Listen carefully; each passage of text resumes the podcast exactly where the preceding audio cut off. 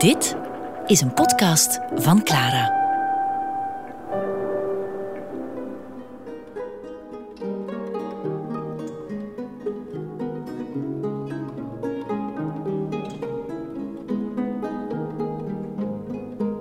Een Italiaanse reis.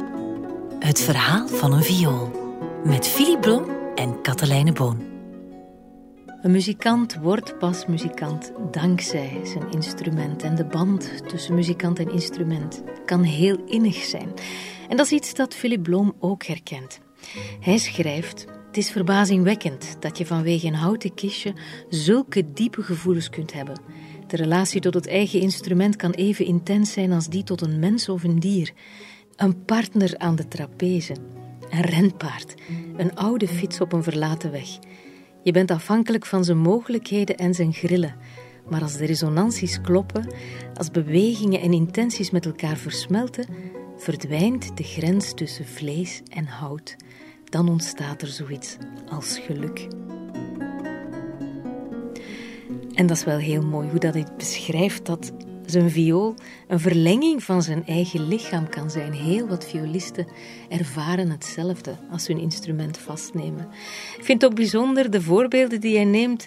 De partner aan de trapeze. Ja, je zal maar eens uh, de handen missen die naar je uitgestoken worden. Een renpaard of een oude fiets op een verlaten weg. Stel je voor dat die niet meer zou rijden, dan ben je natuurlijk slecht af. Ongetwijfeld zullen die diepe gevoelens die hij kan hebben voor een stuk hout ook wel te maken hebben met de herinneringen die eraan vasthangen. En in het geval van de eerste viool van Philippe Blom is dat bijvoorbeeld Parijs.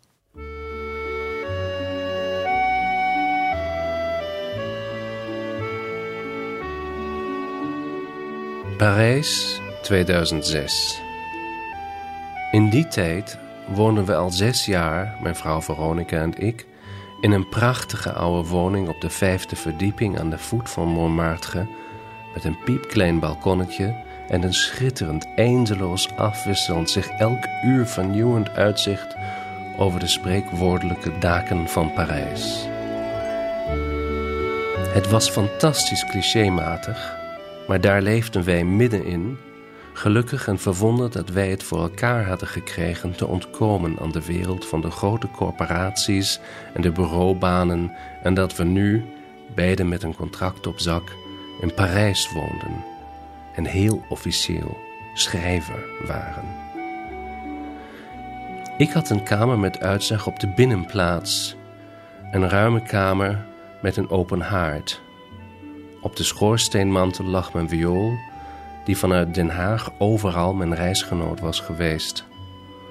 Als het schrijven even niet meer wilde, als een zin of een alinea even rust of innerlijk beraad van nodig had, als ik iets anders in mijn hoofd moest hebben, begon ik te spelen. De vioolbouwer in Den Haag, die me jaren eerder had voorgesteld de viool te kopen om zijn woord als handwerker gestand te doen, had gelijk gekregen. Ze was inderdaad veel meer waard dan ik ervoor betaald had, ook al was de herkomst ervan, ook bij dit instrument, volledig duister en hoewel vreemd genoeg alle vier hoeken van het bovenblad nogal onbeholpen door nieuwe waren vervangen. Maar de klank ervan was wijds als die van een zilveren trompet en ik kende die in alle registers zoals ik mijn eigen stem kende en ervoer.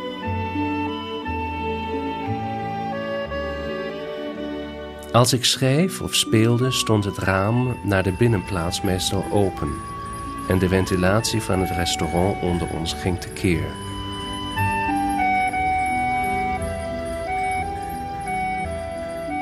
Overdag hoorde je ook wel de televisie die de hele dag bij de oude vrouw aanstond. Het een of andere talk- of quizshow. Als zij geïnteresseerd was in een programma, riep en brulde ze aanmoedigingen in de richting van het toestel. Allee, allee, allee! Als ze iets grappig vond, begon ze afgronddiep te lachen. S'nachts waren er andere geluiden die door de duisternis heen doordrongen. Het hartstochtelijke gejammer van steeds weer dezelfde vrouwenstem en dan, meermalen, het commentaar van een andere vrouw zenuwslopend ergens in de duisternis uitgesproken. Ah, tous les deux nuits.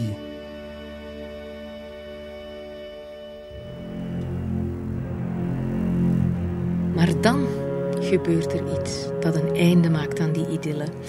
Een samenloop van ongelukkige omstandigheden.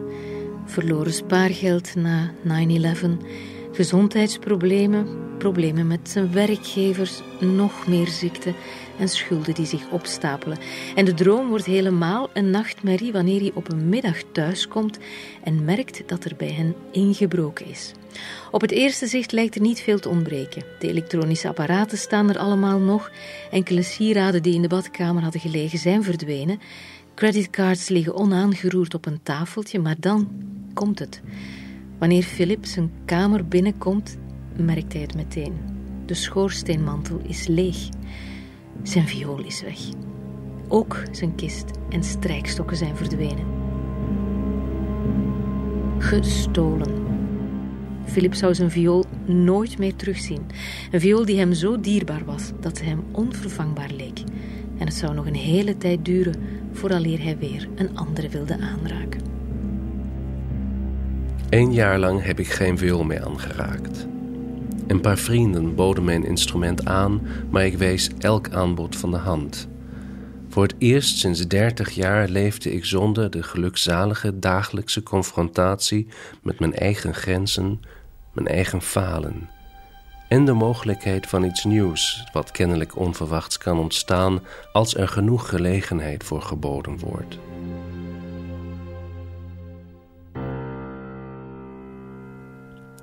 Na enige tijd begon ik halfhartig piano te spelen.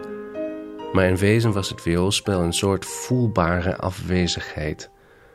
Het was als negatief in mijn leven aanwezig, omdat het zo duidelijk niet de plaats kon innemen die in mijn dagen en mijn gedachten daarvoor was ingeruimd.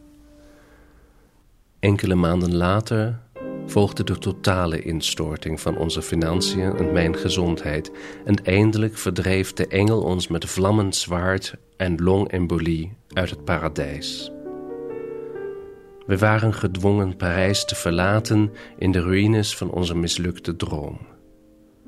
We trokken naar Wenen, waar wij een krappe woning kregen. Voor het eerst in mijn volwassen leven kwam ik zonder een viool op een nieuwe plek aan ik speelde niet. Ik zou het niet hebben kunnen verdragen. Het is verbazingwekkend dat je vanwege een houten kistje zulke diepe gevoelens kunt hebben.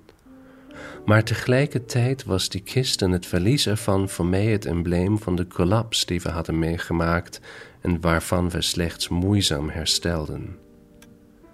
Het was ons iets ontrukt en nu leefden we in stilte.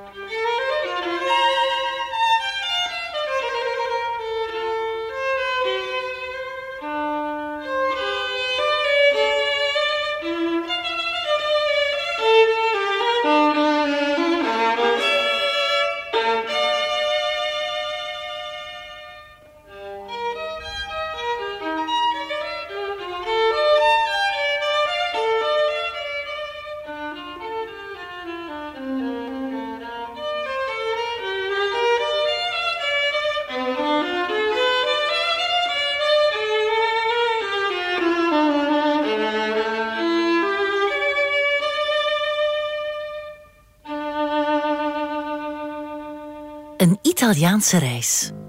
Het verhaal van een viool. Met Philip Blom en Katelijne Boon. Ik ben begonnen met spelen toen ik zes of zeven was. Want je wilde eigenlijk professionele violist worden. Ja, dat was veel vroeger. Dat was toen ik echt een teenager was. Maar ehm, ik ben heel blij dat er niets van gekomen is. Ehm, ik heb grote respect voor professionele muzici, maar ik weet ook wat een hard leven dat is. En het was toen al, toen ik dat wilde, was het gewoon te laat. Ik had uh, te veel goede lessen niet gehad, te veel niet gestudeerd daarvoor. En dat kan je niet meer ophalen. Um, maar. Ook als liefhebber wou je toch een goed instrument? Jazeker. De instrument, die stem die je hebt als je zanger bent, dan kan je niet je stem uitwisselen. Maar als je instrumentalist bent, dan kan je wel het beste instrument trachten te vinden dat, uh, dat je kunt aanvaarden en dat je kunt vinden ook, omdat het is ook een vraag van geluk. En herinner je nog het moment dat je voor het eerst de stem van die viool hoorde? Ja, daar herinner ik me nog heel goed aan.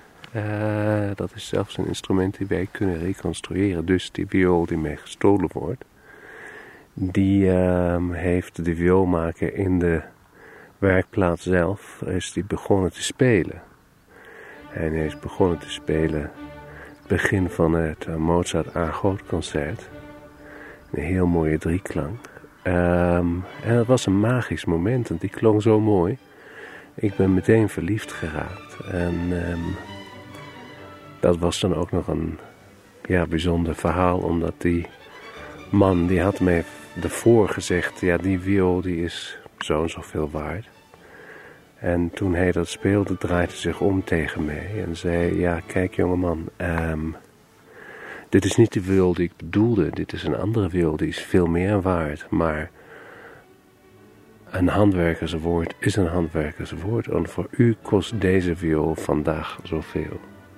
En hij kende me niet. Ik had me nooit gezien. Um, en ik had natuurlijk niet zoveel geld bij me. Ik had bijna helemaal geen geld bij me. Ik had ook geen andere garantieën te geven. Maar ik ben wel met de viool zijn winkel uitgestapt. Um, en ik heb ze twintig jaar gehad. En twintig jaar iedere dag bespeeld. En dan was ze opeens weg. En dat is, dat is een, een vorm van, van treur gewoon. Van verlies. Van een heel persoonlijk verlies. En dat klinkt een beetje gek. Maar het is toch iets wat ja, bijna als een verlenging van je eigen lichaam werkt. Het is iets waar je echt iedere millimeter van kent, waarmee je vecht, waarmee je prachtige momenten hebt. Zoals je een geliefde helemaal kent. Ja, een beetje zo. En, dat, um, en als het dan opeens weg is, dat, is, uh, dat, dat wordt wel heel. Uh, het is een, bijna een ervaring van geweld. Maar ja, nu heb ik een ander wil gevonden. En um, er zit misschien ook een stuk vrijheid in. Uh, het, Zou het kunnen dat uh, ja, die diefstal en de emotionele impact ervan, dat die ook deze zoektocht een extra lading geeft? Jazeker. Of uh, het was geen zoektocht. Die heb ik gewoon gevonden, deze veel. Eigenlijk alle twee keer heb ik iets gewoon gevonden. Dus een beetje zoals alsof het noodlot jou een cadeau maakt. Um, je kunt ernaar zoeken, maar tenslotte moet je, toch, moet je toch gevonden worden. En je kunt alleen maar het noodlot voldoende kansen geven. Maar um, dan gebeurt zoiets ook. En um, ik denk dat het zo is zo met een hartstocht die je hebt. En soms maakt zich die vast aan objecten. Soms maakt, maakt zich die vast aan mensen of aan vaardigheden of zo. Maar um, het is wel heel belangrijk dat je, als je muzikus bent, dat je een instrument hebt waar je door jezelf ook kunt uitdrukken. En die misschien ook, zoals dit instrument, die ook dingen kan die ik nog niet kan. Dus waar ik het gevoel heb, we kunnen nog samen een stuk weg doorgaan omdat, um, ja, er valt nog veel te ontdekken.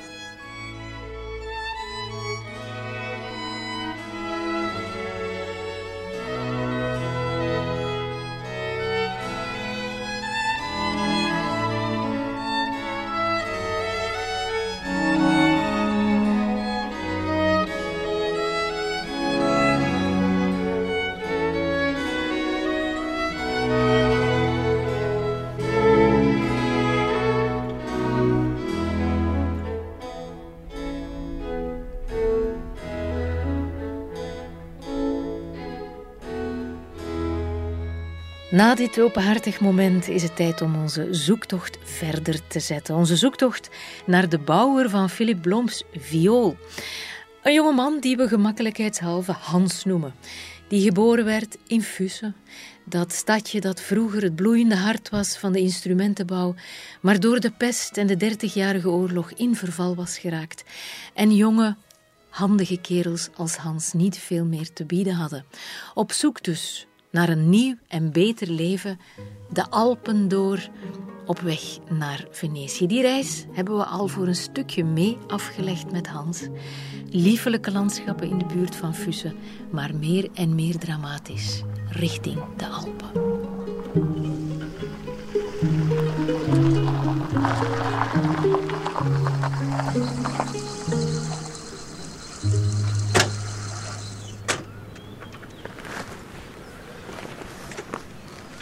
Nu staan we midden in de Dolomiet rond ons. Indrukwekkende, majestueuze rotspartijen. Daarbovenop wat eenzame sparren. Sneeuw ligt er ook nog. En het is hier heel stil. Ja, inderdaad. Het is een, het is een indrukwekkend landschap. Eh, maar het laat je ook een beetje beseffen waarom in bronnen van die tijd de Alpen nooit als mooie worden beschreven. Ze zijn verschrikkelijk. Ze zijn gruwelijk. Iets waar je niet voor je plezier komt. Ze zijn chaos. Um, en uh, ze zijn dodelijk. En dat zie je hier. En je denkt dan die mensen die doorgetrokken zijn 300 jaar geleden. Zonder straten, zonder bruggen. We zitten hier midden in de stilte met die grauwe rotsen rond ons. Omdat we natuurlijk de tocht opnieuw aan het maken zijn die Hans, de jongen, de jonge vakwerker, instrumentenbouwer die uit Fussen moest vertrekken door de pest en de dertigjarige oorlog. Ja, als ik kijk hoe Fussen erbij lag, waar het toch allemaal veel lieflijker was dan hier. Hier zit je zo echt in die enge, nauwe dalen. Je hebt eigenlijk geen uitzicht. In Fussen zag je wel natuurlijk in de verte die bergen, maar je had een veel glooiender landschap, veel groener, zachte weiden en heuvels en glooiingen. En hier, ja, je ziet die gevaarlijke rotsen. Het is gewoon scherp. Ik zit hier trouwens op een heel pijnlijke, harde, scherpe rots. Dat moet voor die Hans toch niet alleen door de omgeving, die al zo verschrikkelijk is, maar het moet toch verpletterend eenzaam geweest zijn. Te weten dat je zo'n weg hebt afgelegd waar je niet meer makkelijk terug naartoe kan. En je weet totaal niet waar je gaat terechtkomen. Dus ik kan me voorstellen dat die Hans ja, zich heel eenzaam moet gevoeld hebben op die tocht. Uh, dat moest inderdaad een, ja, het avontuur van een heel leven geweest zijn dat te doen.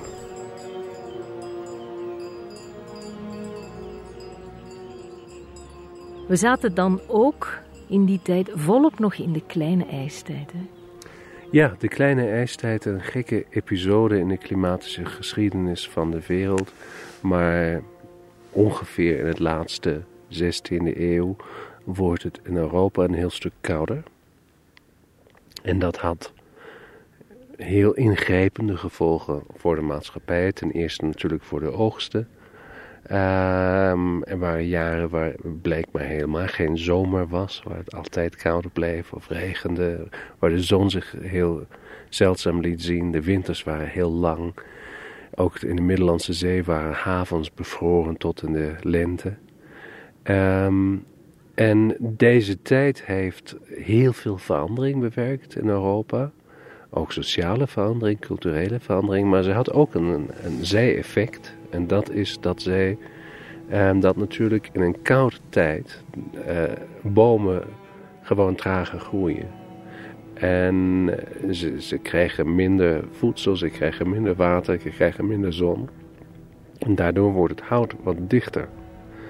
En wij zitten hier zo ongeveer op die plek. Ook inderdaad, dat die, die woud is 20 kilometer weg of zo. Waar het hout van de grote Italiaanse violen vandaan kwam. En je voelt het hier al. Um, het is koud. Um, we zitten een beetje onder de boomlijn, maar niet heel veel. Uh, we zien daar rotsen die, die volslagen vrij zijn van planten, van vegetatie. En daaronder zijn bomen. En dat zijn die soort bomen die mensen geslagen hebben om daar instrumenten van te maken. Dat heet natuurlijk ook dat dit hout was duur. Omdat als je hier een boom slaagt, dan moet je die van hier naar beneden brengen in het platteland. Uh, dat kost, dat is gevaar, dat was gevaarlijk. Daar zijn mensen natuurlijk gestorven, die vlotters die het water invielen, het koude, bruisende water. Um, en dat was heel bijzonder hout. En het was bijzonder hout omdat het een bijzondere periode was gegroeid, maar ook omdat er een heleboel moeite was ingegaan. En um, dat was kostbaar hout voor, voor zoiets. En dan zit er ook de, het verhaal van de mensen aan vast. Van al die mensen, diens handen daar um, bij, ja, toch wel bijdroegen om zo'n instrument mogelijk te maken. Um, om zo'n stuk hout dan inderdaad in de handen van een vioolbouwer te plaatsen. En de mensen die deze bergen moesten oversteken. Um, dat, dat heeft weken geduurd. Dat was iedere dag gevaarlijk. Um, veel mensen zijn er ook niet uh, overgekomen. Je had altijd grafstenen bij de, bij de zijkant van de weg.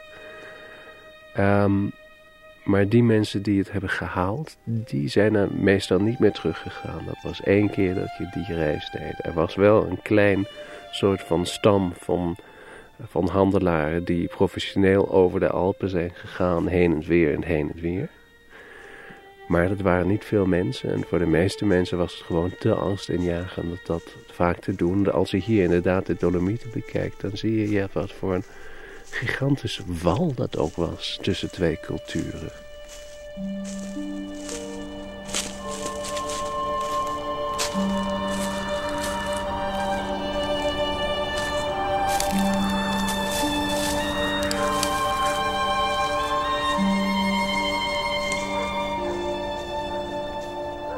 Zou het kunnen dat het precies dat hout is dat ook geleid heeft tot een betere resonantie, een betere klank? Dat dat het geheim is van die goede Italiaanse violen?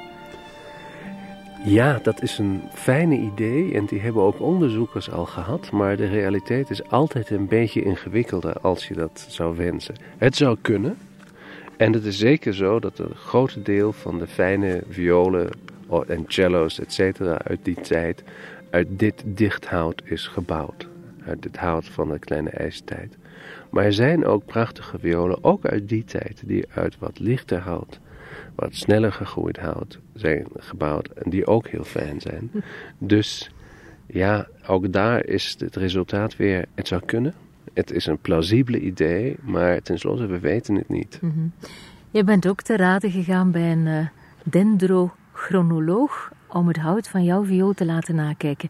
Bomen die zo traag gegroeid zijn, ik vermoed dat de jaarringen dan heel dicht op elkaar zitten.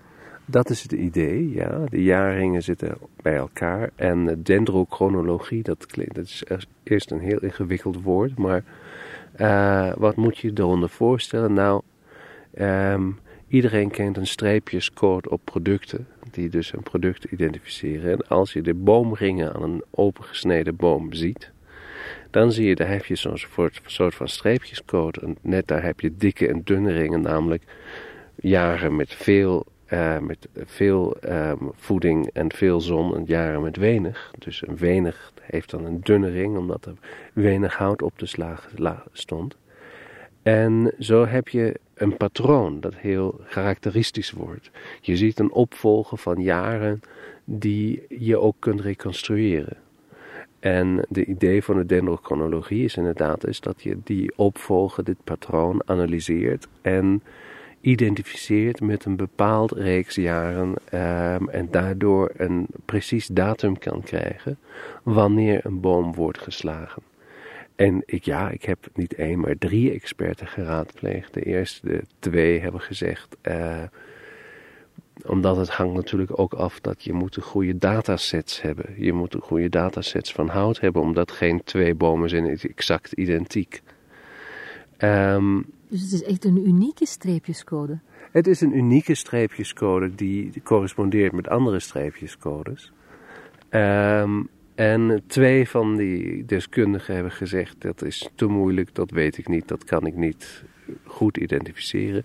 En een derde die een heel ander dataset heeft, omdat hij ook andere soorten van hout heeft bekeken. Namelijk hout dat is niet alleen maar voor instrumenten gebruikt, maar ook voor, uh, voor meubels.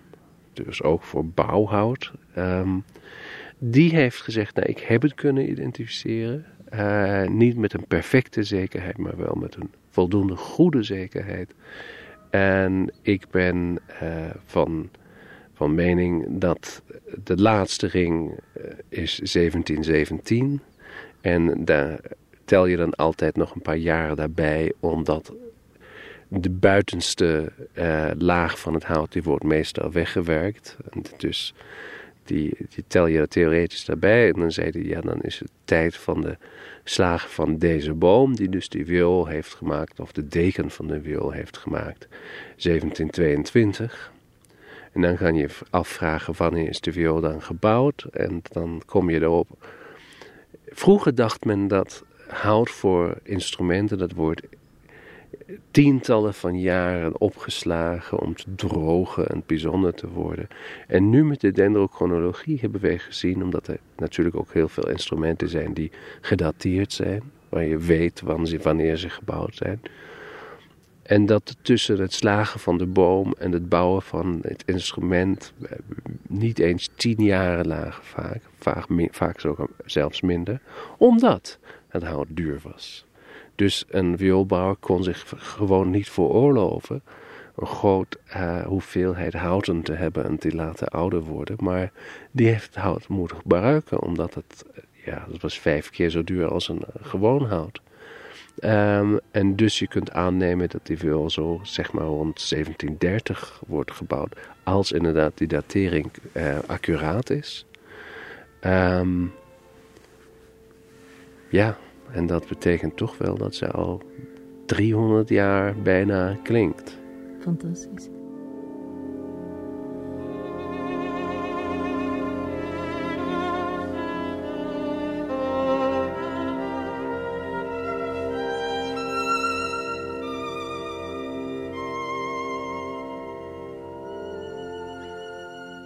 Hans, de, de jongen, is hier langsgekomen. Kunnen we ons voorstellen. Maar reisde die alleen? Nee, um, Hans, de jongen, de jongen die ik Hans heb genoemd. Mhm. Omdat ik, ik ken de naam van die vioolmaker niet. Ik weet alleen maar, er moet zo'n vioolmaker geweest zijn, omdat die viool is er. En een anoniem iemand moet die rond 1730 hebben gemaakt. Waarschijnlijk in Noord-Italië, waarschijnlijk in Venetië. En omdat die iemand natuurlijk een naam had. En toevallig in Fussen um, heel veel jongens Hans gedoopt worden. Omdat het was gewoon een heel courante naam. En die kon je ook natuurlijk heel fijn Itali Italianiseren. En dan word je of Giovanni of Zuan. Um, heb ik hem dus Hans genoemd. En die kwam ja, door zo'n dal door. Um, er waren nog geen straten. Het was heel moeizaam. Het was ook heel langzaam. Gevaarlijk. Uh, gevaarlijk. En um, het is zeer waarschijnlijk... Een kind alleen zou het niet hebben overleefd. Je, je weet ook niet waar je naartoe moet. Je weet mhm. ook niet welke wegen je moet nemen. Want hoe oriënteerde uh, ze zich? Nou, er waren gewoon guides, mensen die dat wisten. Die, uh, die dat kenden. En die handelaren die dus de Alpen over stoken regelmatig. Die hebben dan mensen meegenomen. En die zijn natuurlijk in een groep gegaan. Daar heb je dan toch veel meer zekerheid dan als je alleen of met wenige mensen gaat. En dan had je een tiental, twintig, dertig mensen die in een kleine karavane met muildiertjes en misschien paarden. Paarden waren moeilijk omdat ze dan ook last hebben met de, met de hoge alpine moeilijke eh, padjes die daar zijn. Um, en zo ben je er overgestoken, heel langzaam. Ehm, en je hoopt dat iedereen die op de ene kant is begonnen, op de andere kant ook weer eruit zou komen.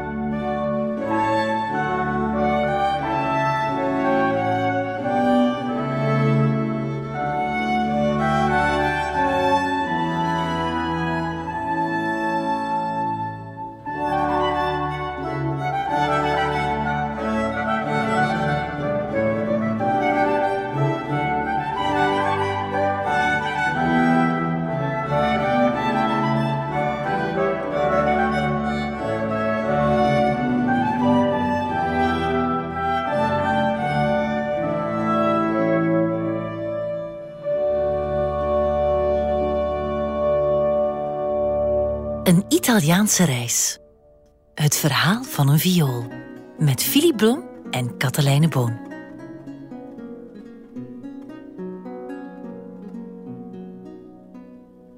De beproeving en het dramatische en uitputtende van zo'n reis door de Alpen kunnen we ons heel goed voorstellen dankzij verschillende reisverslagen van toen.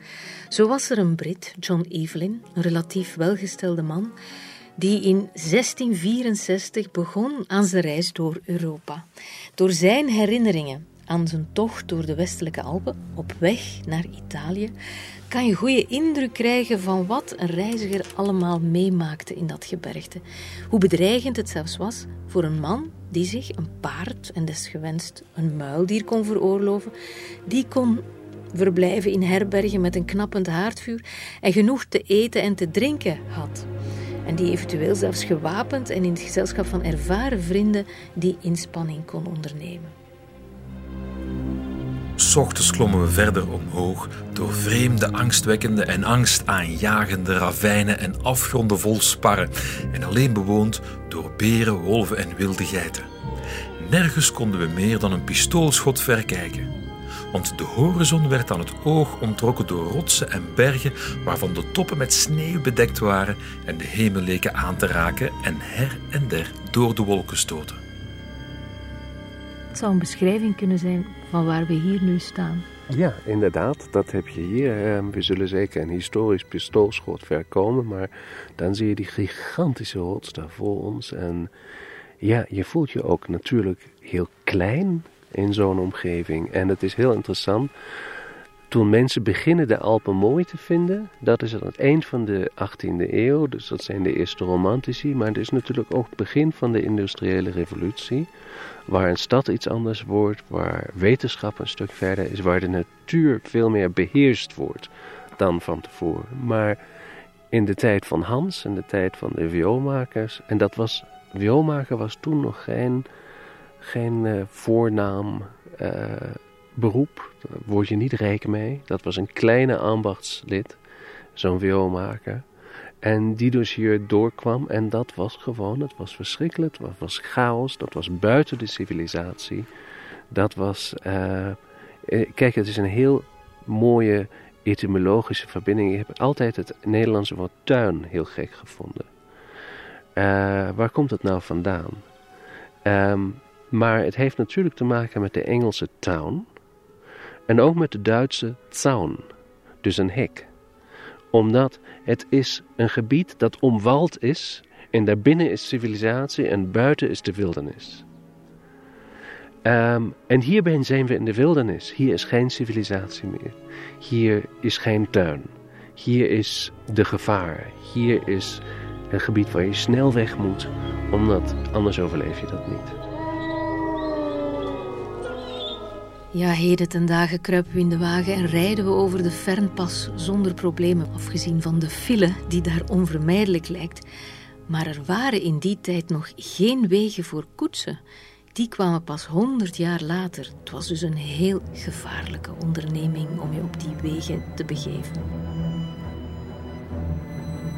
Op die nauwe paadjes moesten we vaak afstappen bibberend in de sneeuw, dan weer door de weerkaatsing van de zonnestralen tegen de rotsen aangeplakt. Terwijl we naar diepere regionen gingen waar we soms wat miserabele hutten aantroffen die op terugwijkende rotsen zijn gebouwd. Zodat je wel moest denken dat ze elk ogenblik naar beneden konden glijden.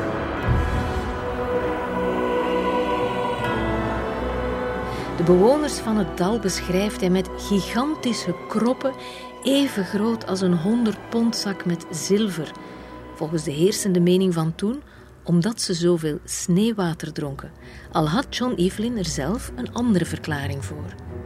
Hun lelijkheid is een ondeugd van het ras en maakt ze zo lelijk, verschrompeld en gedeformeerd door de hangende huid van hun gezicht dat het niet erger kan. Daar komt de vreemd opbollende kleding bij en de pels, en die barbaarse taal die een mengeling is van Hoogduits, Frans en Italiaans. De mensen zijn groot van gestalte, wild en ruw, maar ook eerlijk en betrouwbaar.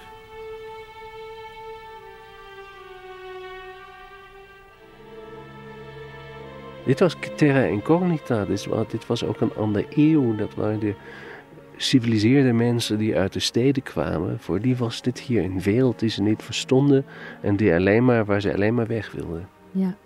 De mensen zijn groot van gestalte, wild en ruw, maar ook eerlijk en betrouwbaar. En dat staat een beetje in contrast met het feit dat hij blijkbaar door gewapende dorpsbewoners gevangen wordt genomen en zichzelf moet vrijkopen. Je had ook beter wat geld op zak. Ja, je had ook beter wat geld op zak, maar die anekdote die hij daar beschrijft, dat is inderdaad een moment van een reis, omdat eh, een vriend van hem, met die, die, dus een medereiziger, die had een grote hond. En die hond die ging achter de, de dieren van een boer aan en die, die dieren zijn een ravine ingestort en waren dood.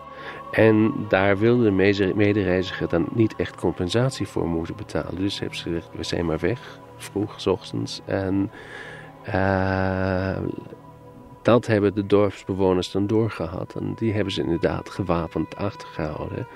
Totdat ze betaald hadden. Maar het laat je wel zien, het was iets anders toen dan in een auto te stappen en gewoon de, de motorweg te nemen. In de raststetten iets te gaan halen om te eten. Want die vind je natuurlijk niet veel om te eten. Nee, maar als je Kijk, zelf de mensen die vandaag de, de Himalaya's eh, opstijgen en de Mount Everest, dat is allemaal, ja, dat is een toeristische business en daar is alles klaargezet voor die mensen. En ehm, als je maar het geld hebt, dan kom je er ook op. Toen was het anders. Toen was het echt, eh, ja, je neemt je leven, leven in de hand als je probeert zoiets te doen. Mhm. Het is een beetje gissen naar de leeftijd van Hans, maar we kunnen ervan uitgaan dat het aan de drempel van zijn puberteit was.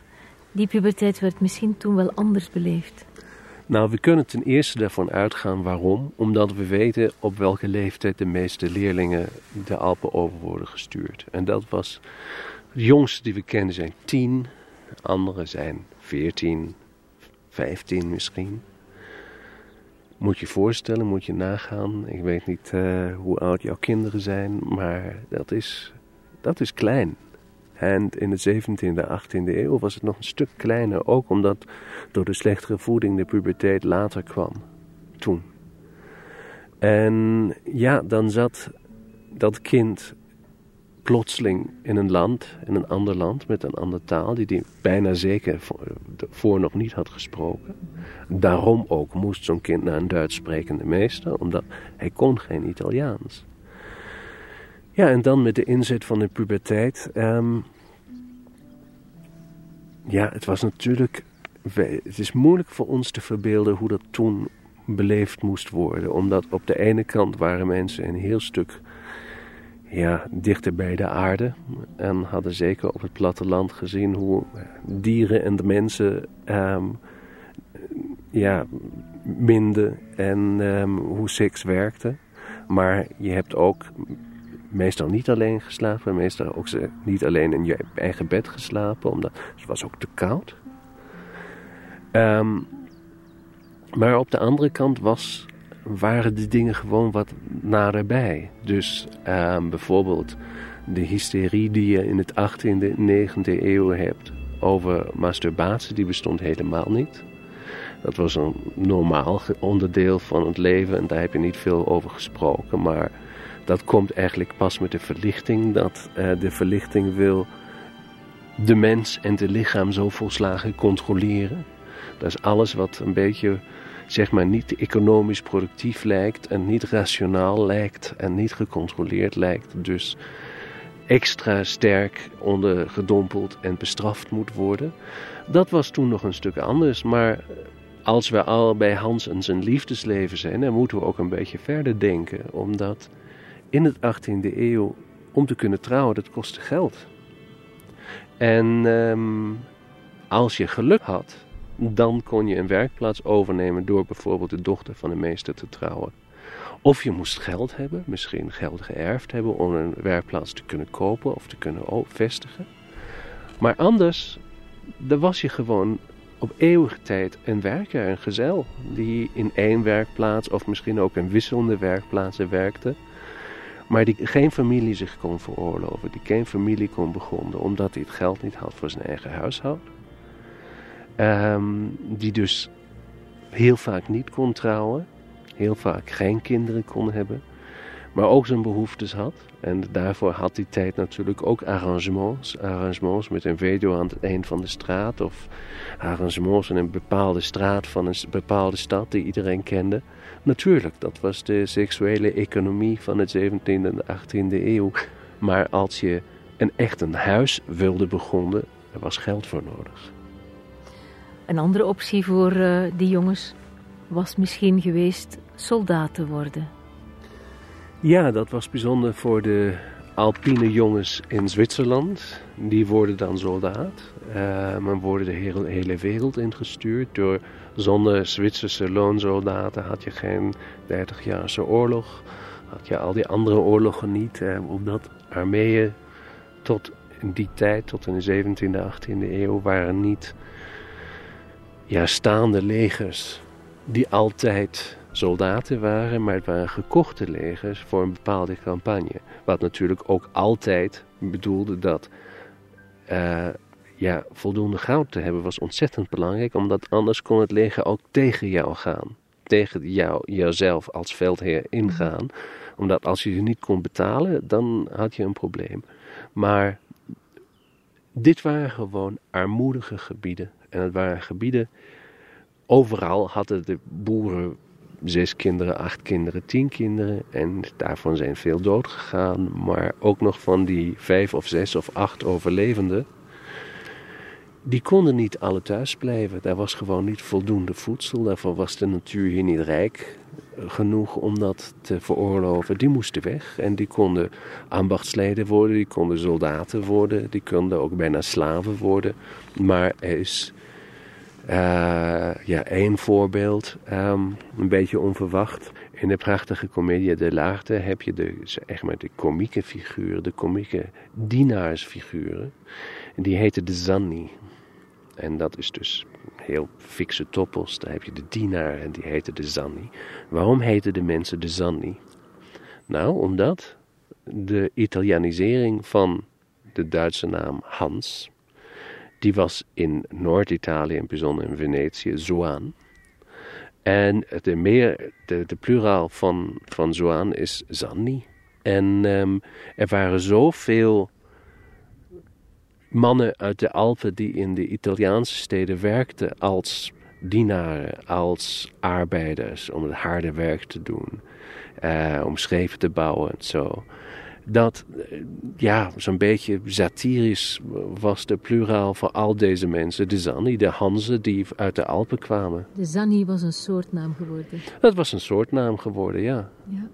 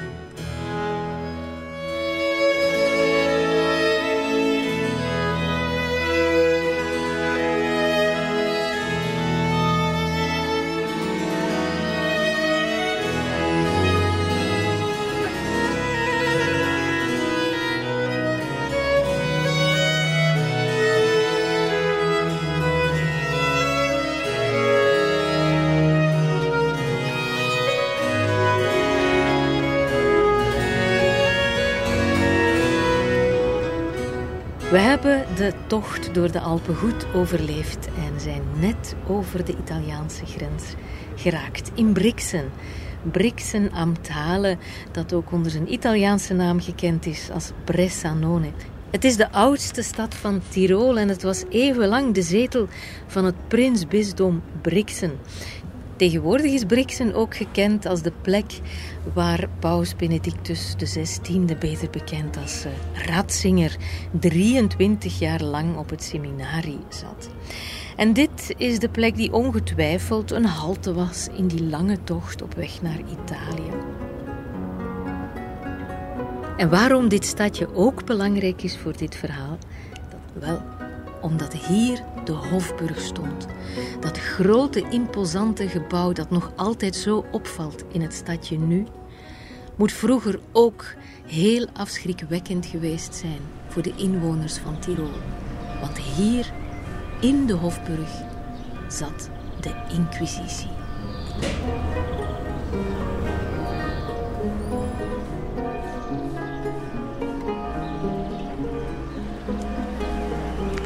Het is lente en de vogels fluiten uitbundig.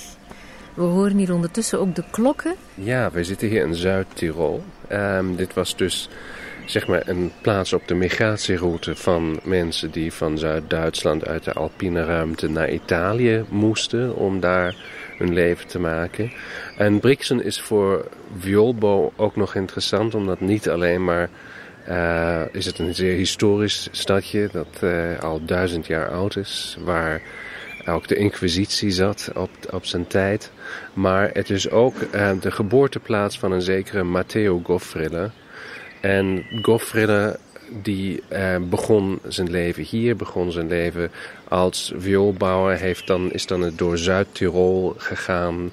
En is dan naar Venetië gegaan en wordt daar een van de belangrijkste vioolbouwers van zijn tijd. Iemand die echt uh, ja, een hele uh, nieuwe impuls gaf. Um, die een heel uh, succesvolle zaak had op zijn tijd. En wiens instrument vandaag nog ja, niet alleen maar ongelooflijk veel geld waard zijn, maar ook van grote solisten zeer gezocht zijn. Maar hier heette die niet Matteo, hè? Nee, hier heette die Matthias Kvrilla. Um, en dat was eigenlijk gebruikelijk voor die mensen die naar Italië trokken. Um, misschien hadden toen al de Italianen een zekere hoeveelheid van, hoeveelheid van moeite met um, andere namen uit te spreken. En daarom hebben ze hun naam geïtalianiseerd. En zo worden uh, Matthias Kvrille, wordt Matteo Goffrille. We hebben andere voorbeelden van mensen die dit ook hebben gedaan. Um, waar dus een mooiere Italiaanse klank aangevoegd wordt aan de naam. Hij was ook wel goed getrouwd. Hij had zich ingetrouwd in een, uh, een familie van vioolbouwers. Ja, dat is heel interessant, omdat uh, daar leer je dan een beetje over de sociale realiteit van die mensen. En de zus van Matteo Goffrella, die was al in Venetië. Die was huismeid van een Fussener uh, vioolbouwer bij de naam van Martin Keizer, die gevestigd was in Venetië al een lange tijd. Daar een belangrijke werkplaats had. En die heeft blijkbaar haar broer laten weten: kom dan toch naar Venetië, omdat. Um, Meneer Keizer heeft een, heeft een dochter, die is niet alleen maar in het, uh, op de goede leeftijd, maar hij is niet zo jong meer, hij zoekt eigenlijk een opvolger. En zo is uh, Goffrille niet meer als leerling, maar als, als, al, als jonge man van 25 of 30 of zo in Venetië terechtgekomen. En heeft inderdaad de dochter van Maarten Keizer getrouwd en heeft de werkplaats overgenomen en nog groter en nog beroemder gemaakt. Maar je ziet een beetje dat netwerk van de migranten dat je had, dat dus de zus al in dienst was in Venetië en dan toch wel ook brieven geschreven heeft aan haar broer en gezegd: Het is zo hier en kom maar hier. Uh, dat was zeker niet een geïsoleerd geval, dat is zeker altijd gebeurd. Goffriller is ook heel gekend voor zijn cello's, hè? Ja, um, en dat is een heel, ja, voor mij een heel interessant verhaal. Goffriller heeft heel, heel goed gebouwd. Maar instrumenten van, een wisselende, uh, van wisselende modellen, ook wisselende kleuren. En um, toen zijn naam niet meer zo belangrijk was, omdat in de 19e eeuw daar waren namen van makers eigenlijk niet zo vreselijk belangrijk. Daar worden heel veel van zijn instrumenten als Stradivarius of Guarneri's gehandeld. En de naam Goffriller was eigenlijk helemaal verdwenen. Is het nog steeds. Niemand weet wie dat nou eigenlijk was. Muzici wel. En een zekere Pablo Casals, die dus een van de grootste cellisten van de 20e eeuw was, die heeft een instrument van Matteo Goffriller gespeeld. En daardoor begonnen mensen weer opmerkzaam te worden op deze naam, op die instrumenten. En um, ja, een kleine renaissance begon. En nog steeds worden instrumenten identificeerd als instrumenten van Matteo Goffriller, die of aan iemand anders worden geattribueerd, wat natuurlijk ook financiële gevolgen heeft. Stradivari is gewoon de duurste of een van de duurste dingen die je kunt hebben. En als je een instrument als een Stradivari kunt verkopen, dan is dat natuurlijk heel interessant. Maar we leren nu dat dus deze maker die een beetje in de schaduw van de geschiedenis had gestaan, prachtige instrumenten maakte. En um, ja, dat is een hele renaissance die zijn werk eigenlijk heeft. En het zou kunnen, maar we weten het niet, dat jouw viool misschien wel ooit in de handen van Goffriller heeft gezeten. Nou, kijk, um, het zou inderdaad kunnen. Um, het is een instrument dat van stijl zeer, zeer sterk herinnert aan de stijl van de instrumenten die uit de werkplaats van Goffriller kwamen. Um, dat kan je denk ik niet meer bewijzen. Maar het is voor mij ook niet zo vreselijk belangrijk. Het is een wil die prachtig klinkt. En als ze nou echt een instrument van Goffriller zou zijn, dan zou ze 30 keer duurder zijn dan ze nu is. En dan zou ik de verzekering daarvoor moeten betalen. Ik kan er voorlopig nog blij mee zijn dat ze nu nog anoniem is, maar nu al prachtig klinkt. Maar, Goffriller of niet, alles lijkt er toch op te wijzen dat we zijn spoor moeten volgen naar Venetië. Want Goffriller had een heel atelier en het zou wel eens best kunnen dat Hans, die uit Fussen vertrokken is, uiteindelijk bij Matteo Goffriller in Venetië in het atelier violen heeft gebouwd.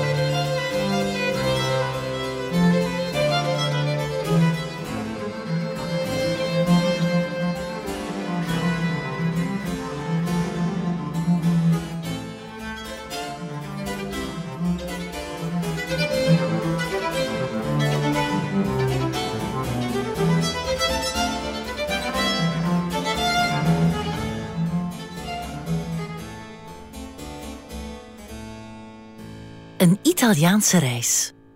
Het verhaal van een viool. Met Philip Blom en Katelijne Boon. Kofriller is nooit teruggekomen, maar er zijn ook vioolbouwers die nooit zijn weg geweest. Jacob Steiner was zo iemand. Jacob Steiner is echt een unicum. Uh, in zijn tijd veel beroemder dan Stradivari. Zeker noord, uh, ten noorden van de Alpen. Hij zat in een klein dorpje niet ver van Innsbruck, dat heet Abzaam. En heeft daar violen gebouwd. En die waren, ja, dat waren de meeste instrumenten die iemand wilde hebben. Dus Jacob Steiner um, is naar Italië gegaan onder heel bijzondere omstandigheden. De pestepidemie van 1630, die dus in Fussenen de helft van de uh, mensen heeft gedood, die had ook in Cremona heel veel mensen uh, slachtoffers gemaakt. tapijt. En dus die hadden uh, nood aan vioolmakers. En die hebben dus wat ze. Cremona was altijd een vrij gesloten stad. Maar die hebben dan ook naar noorden gekeken om uh, makers te krijgen. En dus de jonge Jacob Steiner heeft bij een heel bekende maker met naam van Amati geleerd. En is dan teruggegaan naar zijn klein dorpje. Dat is heel ontypisch. De meeste mensen hebben nooit de terugreis gemaakt. En um, heeft daar geheel geïsoleerd violen gebouwd. Maar we weten meer over zijn leven door eigenlijk een heel bijzondere omstandigheid. Um, die te maken heeft met Brixen, waar we nu zijn. Die te maken heeft met Brixen, omdat Steiner was misschien geen protestant, maar geïnteresseerd in protestantse gedachten en theologie. En hij had vrienden die zeker heimelijk protestant waren en die protestantse boeken huisde bij zich. En die worden gevonden en Steiner wordt met anderen uh, van de ketterij aangeklaagd. En dat moest direct gaan naar de inquisitie in Brixen. En we hebben dus fantastische brieven tussen Steiner en de inquisitie in Brixen... waar dit hoge gerecht zegt, je moet hier op die en die dag zijn om je te verantwoorden. En, en Steiner zegt, en heel mooi in die brieven, hij schrijft in zijn, op zijn Tirols. Je hoort hem praten. Hij schrijft met zijn eigen accent. Dat zie je in de, in de spelling van de woorden. En hij zegt, uh, ja, nee, ik kom niet. Ik ben te bezig hier. Ik heb instrumenten te bouwen. Bekijk het maar. Um, en dat gaat heen en weer en ze bedreigen hem en hij moet dan ook een soort van boete doen. Um, maar zo ontmoet je ook als historicus een mens die je anders niet, niet kan ontmoeten. Omdat een instrument die vertelt je niet zoveel over wat voor een mens dat was. Maar een brief waar die antwoord geeft en dan ook nog zo'n antwoord. Heel zelfbewust. Niet uh, zich in de stof uh, werpen voor, de, voor het gerecht en zeggen ja. Het, maar gewoon zeggen: ik heb er geen tijd voor, ik heb er geen zin in, ik kom niet. Het zegt wel iets over ja, de drukte in zijn atelier. Hij stond er niet alleen voor. Hij had, ook uh, leerjongens, vermoed ik, in dienst. Dat had iedereen. Dat was ook noodzakelijk. Dat is, uh, maar hij was toch wel vrij isoleerd daar. Maar hij was de gevraagdste uh, vioolbouwer. Zeker op de noordzijde van de Alpen heeft hij ook een ongelooflijk sterke stilistische invloeden. Ook bij die viool. Om die het in deze uitzendingen gaat, zie je de invloed van Steiner en zijn model.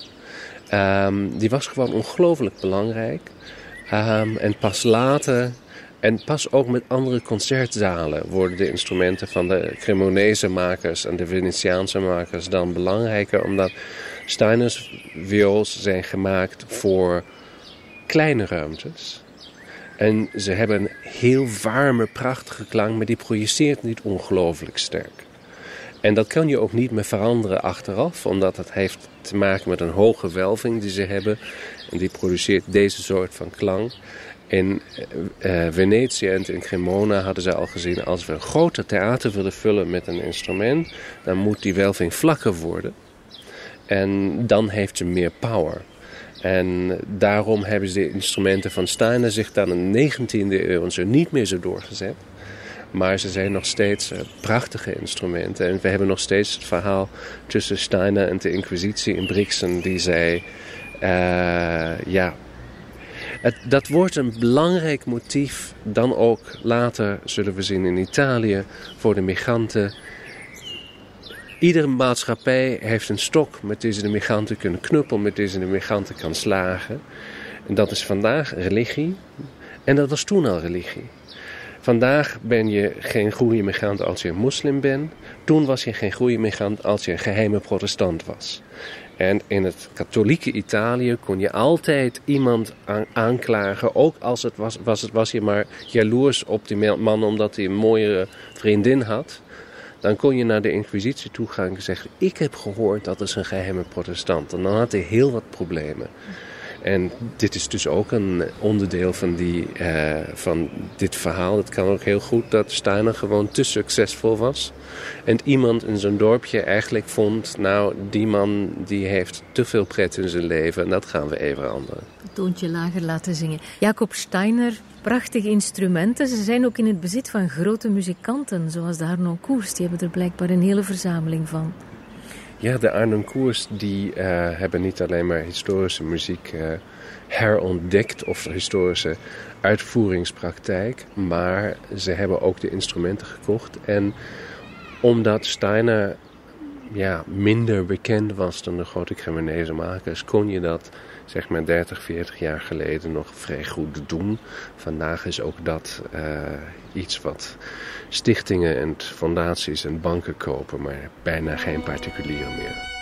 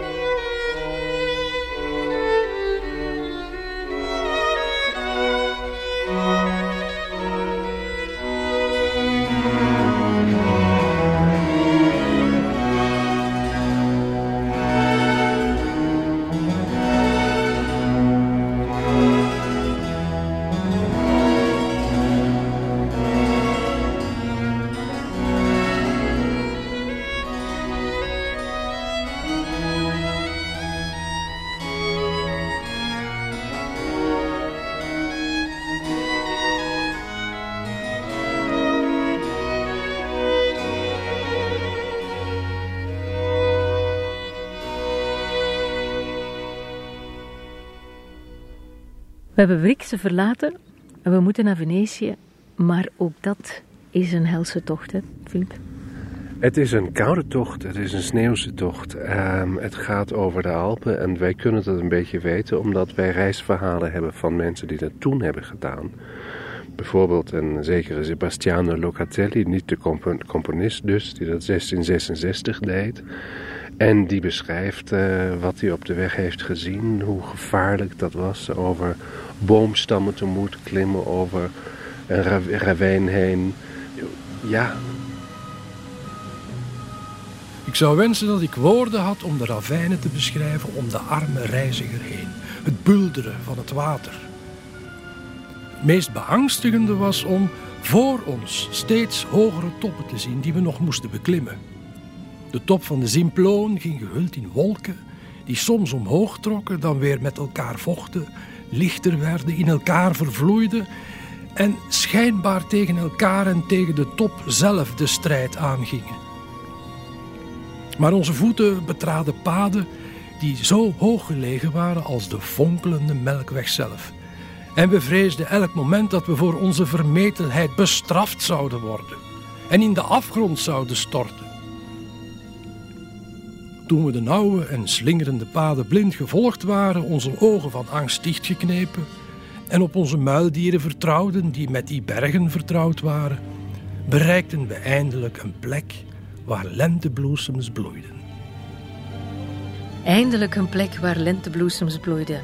De opluchting van die priester eh, Locatelli kwam te vroeg. De afdaling naar de Italiaanse vlakte en naar Gondo was gevaarlijker en angstwekkender dan alles wat hij eerder had meegemaakt. Steeds verder omlaag, steeds te voet. Aan de ene kant een pijlloos diepe ravijn. Aan de andere kant bergen die op het punt leken te staan op ons neer te storten.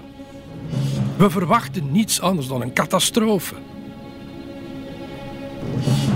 Ja, de doorsteek door die Alpen en later de Dolomieten was inderdaad een overgang naar een andere wereld. Uit die reisverslagen komt telkens ook weer naar voren dat het een beproeving was die doorstaan moest worden.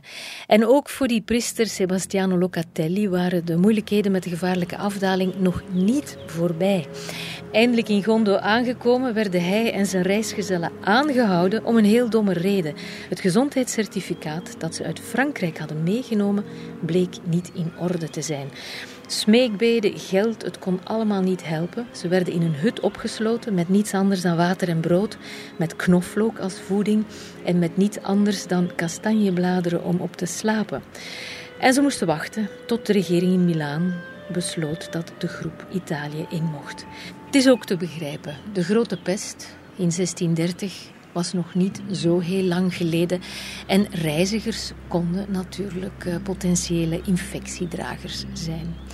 Gelukkig hadden zij wel genoeg geld bij zich om zich vrij te kopen. Ik kan me voorstellen, als je een armer reiziger was, dat je grote moeilijkheden zou hebben gehad.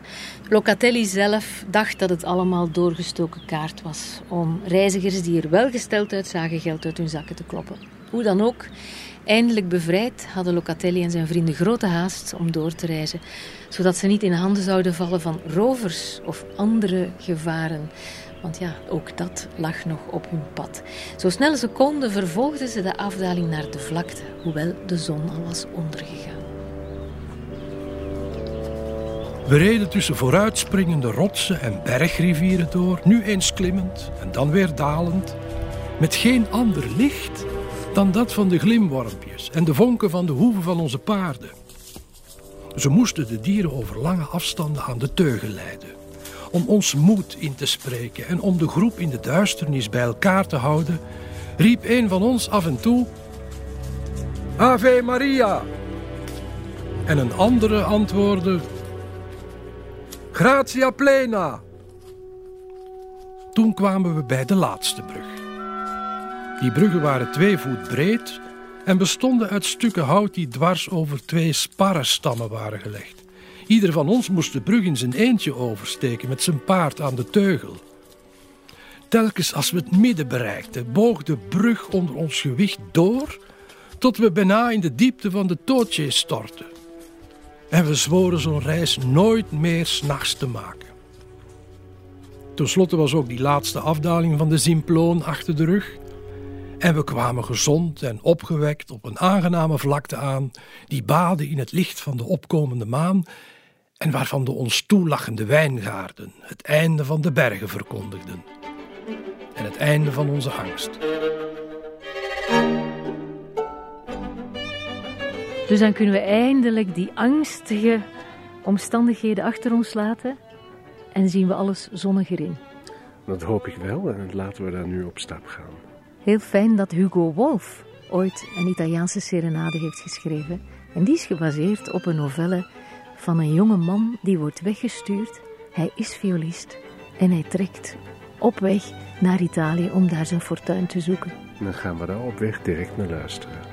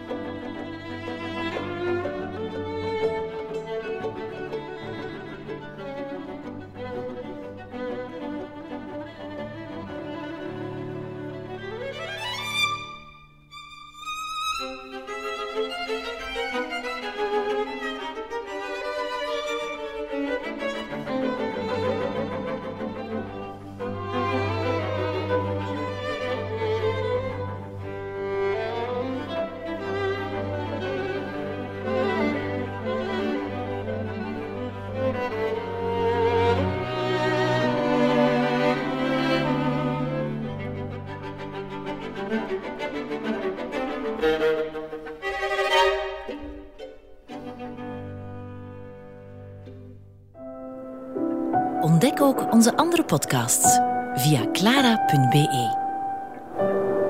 Clara Podcast. Blijf verwonderd.